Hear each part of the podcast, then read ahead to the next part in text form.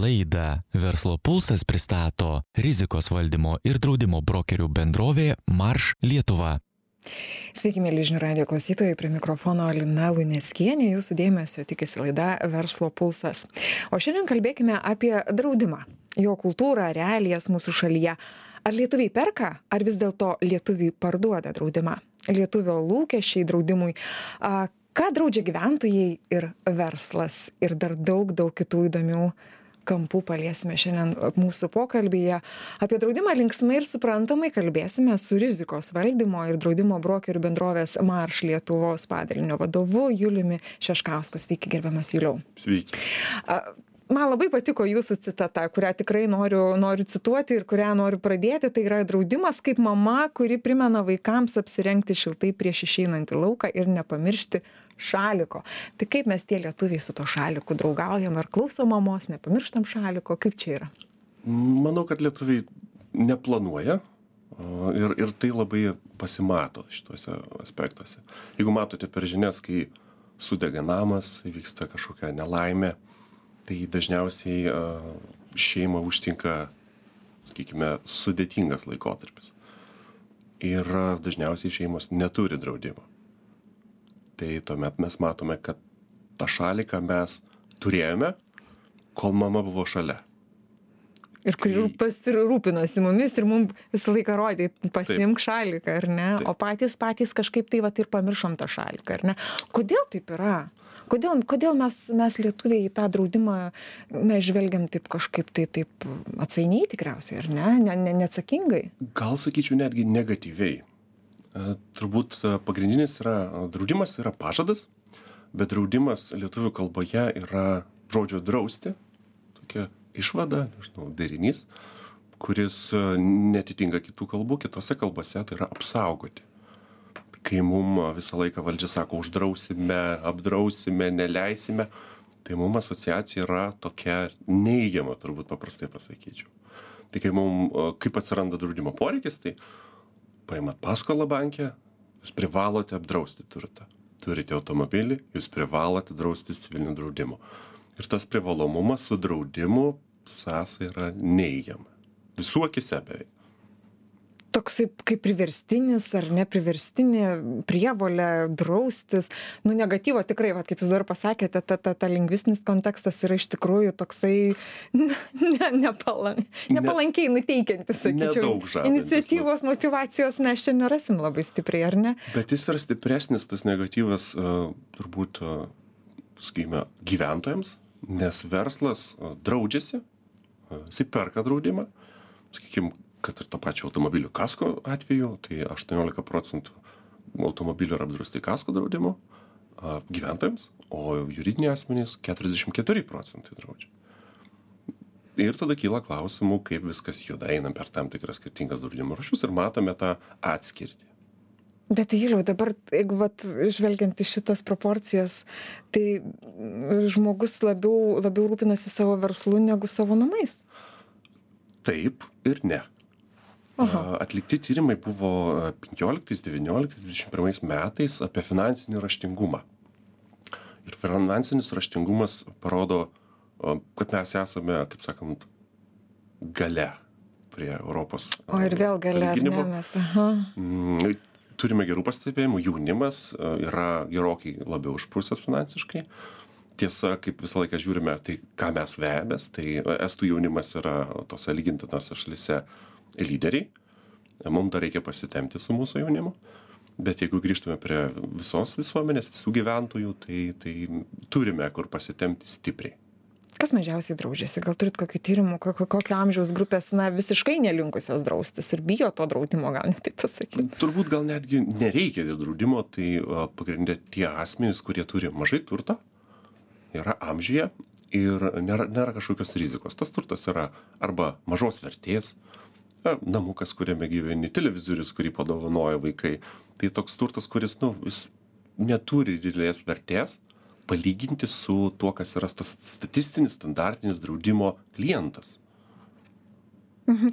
Juliau, jūs parašėte, kad e, lietuvis nesidraus, kol namas ne, neužsidegs jo. Taip. Čia tokia, e, tokia apokaliptinė citata, sakyčiau. Ci- Citata iš tikrųjų turi ti- komišką prieskonį, bet tai yra tokia realybė. Dažniausiai, jeigu pasikreipia įmonė su poreikiu, asmenys ieškodami draudimo, tai dažniausiai yra tik dėl to, kad jie turėjo žalą arba tuoj tuoj ją turės. Kitaip nebūna. Tai e, draudimui ir ir mūsų finansiniam raštingumui, e, kuris e, ganėtinai panašus yra tai rytų Europoje, tai nesame mes jau antiek blogi, bet jis yra panašus su tuo, kad kol neužmyniai, kaip sakant, nenukritai nuo medžio, tol patirties neturi. Tai šitas labiausiai galioja, sakykime, mes mokomės tik iš savo klaidų. Tai čia O prevencija neužsiemame, ar ne? Kaip jūs ir beveik sakote. ne, beveik ne. Juliau, jūs man prieš, prieš laidą sakėte, kad lietuviai turi dvi labai stiprias. Taip. Pasakykit, kurias, kurios susijos būtent, būtent su, su draudimu, su, su, su, finan, su, su rizika, rizikos valdymu. Pagrindinis turbūt yra neplanavimas. Nemokam planuoti. Nemokam planuoti. Mes kaip tauta nemokam planuoti. Mums, kadangi esame Amerikonų kapitalo įmonė ir e, mums vadovauja Austrai, iš principo vokiška tvarka galioja, tai, tai mes labai matome tą savo verslę, kaip tai atrodo, kaip tai pasireiškia. Tai žmonės nemoka planuoti, verslai labai panašiai nemoka planuoti. Ir kitas aspektas, mes nemokam komunikuoti. Dažniausiai nemokam komunikuoti savo įmonių viduje, savo šeimose ir pamirštame komunikuoti su, su tomis pačiamis draudimo įmonėmis. Paėmėm paskolą, privertė pirkti draudimą, tai ir nupirkom draudimą, kokį reikėjo, nes privertė patį pigiausią. O kad jis galėjo būti vos už 20-30 eurų gerokai geresnis, apimti visą namų turtą, vidinius gedimus, kaip sakykime, pratesta garantija, e, televizoriam, telefonam, viskam, viso šito nepasirinkom. Nes reikėjo skubėti, reikėjo pigiau, ėmiau pigiausią draudimą. Ir paskui kenčiu padarinius. Perku Nes atskirus draudimo produktus, kiekvienam daiktui atskirai, stipriai permokų, nes tie produktai yra parduodami. Mm. Tie, kurie yra perkami, kažkaip neturim laiko pasidomėti. Tai čia va prie to klausimo, ar lietuvis perka vis dėlto draudimą, ar jam vis dėlto parduoda, įbruka ar ne tą draudimą Jam įbruka draudimą, kurį liepia įstatymai, arba kurį liepia uh, paskolos davėjas. O tai bus automobilis arba būsto paskola. O kiti draudimai dėja, dėja, bet mes visiškai, mums turi jį parduoti. Ir kol neturime blogos patirties su tuo pardavėjo produktu, tol mes galvojam, kad mes turim labai gerai. Tai mūsų noras yra, kad gilintumėmės į tas sąlygas, kas parašyta iš tikrųjų. Ir patys tikriausiai motivuotumėm, kad, kad save motivuotumėm, kad to draudimo man reikia, ar ne? Taip, kad galėtumėm saugiai jaustis, apie ką mes ir kalbėjom pradžioj, kad nedrausti, o saugiai turėti saug, sau, saugę savo gyvenimo, e, kaip pasakyti, būseną, ar ne? būsena iš tikrųjų labai įdomi yra.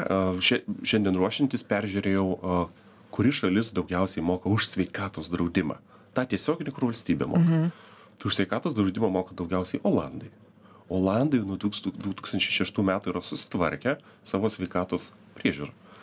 Tai a, realiai a, draudimas yra privalomas, tu jį perki iš draudimo įmonių, kurios dažnai yra netgi nepelno siekiančios, mokė apie 1400 eurų per metus, išskaita per metus apie 400 eurų ir tu turi a, nepelno siekiančių organizacijų draudimą, kuriuo rūpinasi valdžia, bet tik jo platinimu, nevaldymu.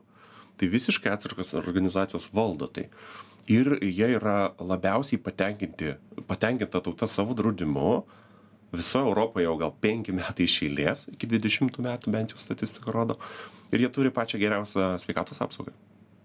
Dėl ko gali jaustis saugiai. Taip, nes jie pinigų neišleidžia ten, kur jų nereikia. O draudimo įmonės ten yra ne kaip draudėjas, kaip pelno siekianti organizacija, tam, kad valdytų visą tą portfelį. Ir, nu, labai įdomi sistema, teko vat, dar va, porą valandų prieš mus sustingant pasidomėti, nu, tikrai sprendžia problemas, kurios ateis ir pas mus, nes sveikatos, a, sakykime, apsaugos pakeitimai ateis ir į Lietuvą. Jie turi tam tikrų prieskonių, dar neaišku, kaip viskas bus, bet va, Olandų pavyzdys man mane nuteikė teigiamai. Iki 18 metų draudimo nereikia, tu patenki po tėvų apsaugą, jie turi apsaugą taip pat ir priežiūrą senelių, kuri yra iš valstybės suteikiama. Tai labai įdomus modelis, kai, kuris nu, leidžia pamatyti pavyzdį. Kaip ir net su Amerikos, Vokietijos, su kitų šalių pavyzdžiais yra be negeriausias.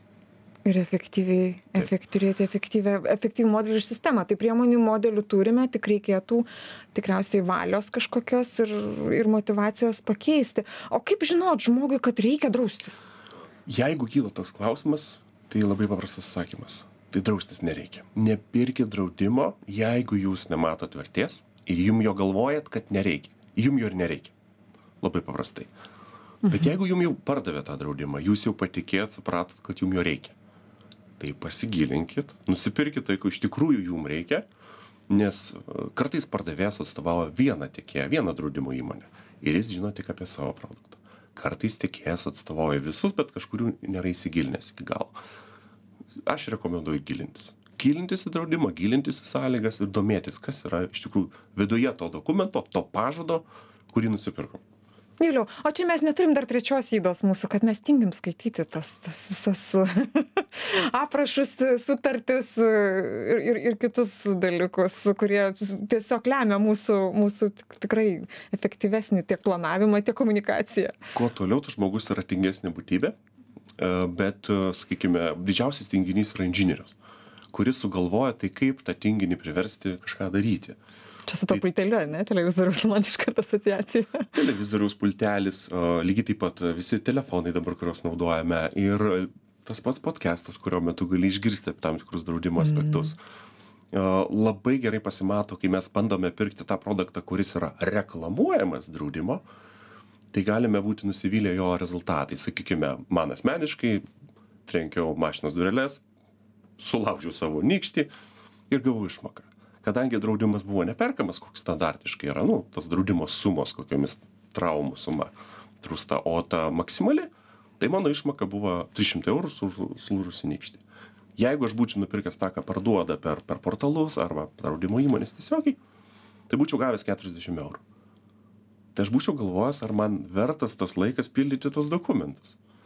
Tai va, jeigu jau turi draudimą, tai, tai tu turi pajaust, kad jį turi. Nes dažnai būna taip, kad nelaimingų atsitikimų draudimas, praradau ranką, gausiu 10 procentų išmoką.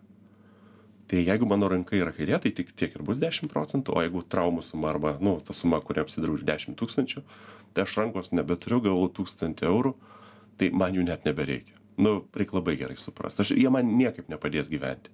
Jeigu aš apsidraudžiu kitokiom sumom, tai ta suma bus gerokai, nu, kitokia. Aš galėsiu tada jau, nu, ar prostetinę rangą nusipirkti, ar, ar dar kažką tai, nes, nu, tiesiog situacija visai kitokia bus. juliau kokie dar va pavyzdžiai ryškesni tokie būtų iš jūsų iš jūsų pa pa pačio patirties būtent su draudimu susijusių ka kad su kuriais na tikrai galėtumėt pasidalint su klausytojais kad atkreiptų žmonės labiau dėmesį? Sakykime turime namų turto draudimą kuris į metus kainuoja apie aštuoniasdešim eurų gal šimtas trisdešim eurų priklausomai nuo būsto ir papildome jį visų nu daiktų draudimu tai yra ir pratęstos ilgos garantijos iki penkių metų ir nelaimingi atsitikimai už šešiasdešim eurų. Tai santykinai nedaug. Reali situacija. Televizorius kabo pas mane namuose su vaikais žaidžiam šokrynėm šokryne televizorius nieko gero. Šiuo metu nu žinote led oled televizoriai truputį įskėlus visas ekranas neveikia vienintelis remontas yra viso televizorio pirkimas. Ypač jeigu jis yra daugiau negu dviejų metų. Senumo nes detalių nėra pirkti remontuoti. Vadinas nuostolis yra nu mano atveju ten tūkstantis trys šimtai eurų. Ir už draudimą aš sumokėjau šešiasdešim eurų kad visa tai gaučiau. Ir gavau tūkstantį tris šimtus eurų. Tai jeigu nebūčiau pasiėmęs gilinęsis aiškinęs nebūčiau gavęs tokios apsaugos ir būtų buvę tiesiog nu tai nu aš namo turiu apsaugą bet ne turto. Tai taip žiūrint aš esu užtikrintas kad ne dešim metų įmokas į priekį esu sumokėjęs už šitą televizoriaus situaciją ir net ne dvidešim tai aš jau dvidešimčiai plius metų į priekį žinau kad draudimas man yra apmokėtas. Vienu šituo atveju. Turėjome vaikas nukrito ant agrastų spyglių o įkrito sakykime tiesiai prie kelio pateko spyglys išėmėm spyglį bet liko kažkoks galiukas reikėjo operacijos. Operacija kadangi traumų suma ganėtinai didelė tai išmoka buvo šimtas penkiasdešim eurų. Ir nelaimingų atsitikimų draudimas man vėlgi atsipirko visiem metam už visą šeimą.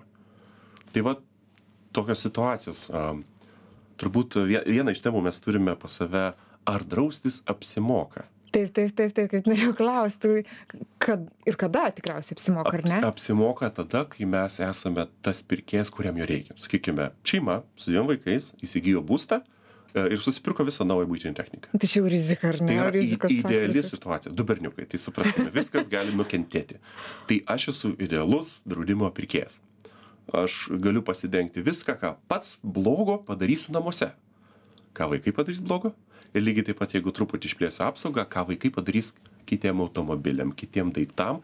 Vadinasi, aš bet kur ir namuose jaučiuosi ramiai ir man nereikia šaukti ant vaikų, kad kažką jie padarys ir nereikia man jų taip, taip akilai stebėti, kur mes beišeisim. Nes aš žinau, kad turiu apsaugą, jeigu ką draudimo įmonė atlygins tą, ką jie padarys. O gal ko nu, negalima drausti gal yra dar toksai segmentas ko tikrai negalima drausti Ko nenori draudimo įmonės apdraustai, tai to mes ir neapdrausim. Nes uh, turi būti finansinis interesas. Uh, teisiškai galima atlyginti žalą, kurią galima įrodyti, jeigu jinai buvo atlikta. Lietuvoje labai dažnai tas privalomo draudimo įstatymas automobiliams sugadina mūsų supratimą apie tai, kas yra apdraudžiama, kas yra draudimas, nes mes sulyginame vieną šitą draudimą su visais draudimais. Mes galvojame, kad tiesiog įstatymas mumis pasirūpins visą kitą. Taip, Lietuvos bankas yra tas reguliatorius, kuris esant skundui, jisai gilinasi ir visą laiką palaiko gyventojus. Jeigu esi verslas, eisi į teismą. Tu turėsi teisti su, su niekur, nieks tau nepadės. Joks bankas, jokia valstybinė, nu, sakykim, vartotojų a, komisija, niekas tau nepadės. Tai va toks skirtumas yra, kuris labai drastiškai parodo, ką mes galim, ko mes negalim daryti, a, ką mes gal, galim sauliaisti galvoti apie draudimą, negalim. Tai verslas yra priverstas galvoti apie draudimą, dėl to jo mąstymas kitoks. Nes jeigu man nepavyks draudimo įmonė ir nu, mažos žalos visą laiką pavyks draudimo įmonė išspręs, tik prasideda didelės žalos, eisime į teismą. Vadinasi, šitoje vietoje reikalinga draudimo įmonė su gerom sąlygom, kurie yra partneris ir bendradarbiauja su, su klientu ir mes su draudimo įmonė lygiai taip pat bendradarbiaujam. Jie prašo informacijos, jiem kuo plačiau papasakoja apie riziką, kas vyks, ką darys ir tada draudimo įmonė savo laiškais ir patikslina ir tai yra įrodymai, kurie pasako, mes pasakėm, kas bus, draudimo patvirtino draudimo įmonė, visi yra saugus. Tai net nereikia įti teismą. Bet jeigu mes neaptariam tų rizikų, kaip dažnai yra su gyventojais, tai tada jau kyla klausimų. Draudiminis bus ar nedraudiminis? Juliau, jau verčiamės į pabaigą. to išdrausim, žinokite, toliau kalbėti. Tai e, kaip su verslais yra mūsų Lietuvos ir draudimu? Koks čia santykis yra? Santykis yra labai pozityvus, jeigu žiūrėsime gyventojus. Tiesa, mes vis dar turime tą tokią a, nepaskatą drausti verslą teisingai. Ką reiškia teisingai? Mes visi kaip lietuviai, kadangi neplanuojame, jau mes tai... Tai jau mes įsiaiškinam, neplanuojam, nekomunikuojam. Tai e, lietuvis ir lietuvio verslas žino, kad e, degs. Turtas degs, sugrius, sulūš, e, reikia turtą drausti. Tai skandinavai šimtą to, nu, 95 procentus viso to turto, kurį apdraudė, apdraudžia ir verslo nutrūkimo draudimu, nes jau kai sudegs, tai reikės atstatyti ir praeis laiko, verslas nedirbs, prarasim pinigus. Taip. Tai lietuvis draudžia nuo 5 iki 10 procentų verslų draudžiasi verslo nutrūkimo draudimu. Mes netikim, kad kai sudegs, tai reikės atstatyti kažkodėl. Čia va tas neplanavimas labai tiesiog ir parodo, kad mes neplanuojam, kad sudegs nu, ir kažkaip, nu, reikės atstatyti. Nu, tai Mums kažkaip yra du skirtingi dalykai, tas neplanavimas. Nesusijėmė mes to, ar ne? Na, nu, žinote, tas man niekada. Nu, va, tai pasimato. O gal, o gal čia priežastis yra to, kad pas mus draudikų reputacija nelabai yra tokia, kaip sakant, gerbtina. Gal čia, čia, čia dėl to mes tokie pasyvūs, ne, atsainus ir, ir, ir negatyviai žiūrintis iš Aš gal to. turbūt sakyčiau, neprofesionalūs tarpininkai, pardavėjai yra labiau įtakoję šitą reputaciją, nes visos draudimo įmonės Lietuvoje yra užsienio kapitalo įmonės. Nėra ne vienos lietuviško kapitalo lietuvių draudimo įmonės. Jos visos ateina iš Vokietijos, iš Norvegijos, iš Skandinavijos. Mes tik ką kalbėjome, finansinis raštingumas kitose šalise yra gerokai didesnis. Tai labai stipriai įtakoja ir tai, kad ir tos draudimo įmonės yra finansiškai raštingos, jos mokosi iš savo motininių kompanijų, iš tų šalių. Tai Turi tą know-how, ar ne? jos, jos turi visą know-how, Mhm. tačiau ką mes perkame reguliuoja, tai kiek jos gali pelno uždirbti, kiek jos gali produktą padaryti, kuo labiau apsauganti mus. Kuo mes labiau žiūrime tik kainas, tuo labiau turime iššūkių paskui su žalomis. o apie draudimą geriausia galvoti taip kad kai bus žala tai aš turiu bijoti aš aš realiai turiu bijoti rizikų kas man gali nutikti o ne draudimo įmonių nes tai dažniausiai mes labai labai prisirišame kad nu draudimo įmonė tai čia yra ta blogoji pusė arba vat nu žala įvyko mes dažniausiai pamirštame kad dėl mūsų veiksmų dažniausiai ir įvyksta žala. Mūsų darbuotojų mūsų pačių neatidumo neapdairumo e, per karantiną labai stipriai padidėjo žalų kiekis tas iškart parodo tai. Bet kažkaip va draudimo įmonė yra kalta kad blogos sąlygos. O rinkomės pagal kainą. Tai va tas mažosios kainos garantija nu yra mes turime su viešais pirkimais tų patirčių manau visi kur tai neužtikrina to to įmonės valstybės intereso dėl mažiausios kainos čia yra lygiai tas pats. Jeigu mes norime atsiskirti nuo nuo viešųjų pirkimų kurie nu mums nepatinka čia yra lygiai tas pats. Mes patys esam atsakingi už tai. Juliau ir pabaigai grįžkime prie mūsų šaliko ar ne kada lietuviai jau supras kad na nuo jų priklauso ar ar jie šals ar nešals užsidėję šaliką ar pamiršę jį? O iš tikrųjų pas mus automobilių draudimas daro penkiasdešim penkis procentus užsieny trisdešim šešis procentus. Vadinas dar yra labai daug turto kurį reikia apdrausti. Mes mokame beveik tris kartus per gyventoją už draudimą turto tris kartus mažiau negu europos gyventojai ir gauname išmokas tris kartus mažesnes. Tai infliacija turto vertės visa tai automatiškai sutvarkys. Bet mano rekomendacija visąlaik yra gilintis į tą ką mum parduoda bet koks pardavėjas.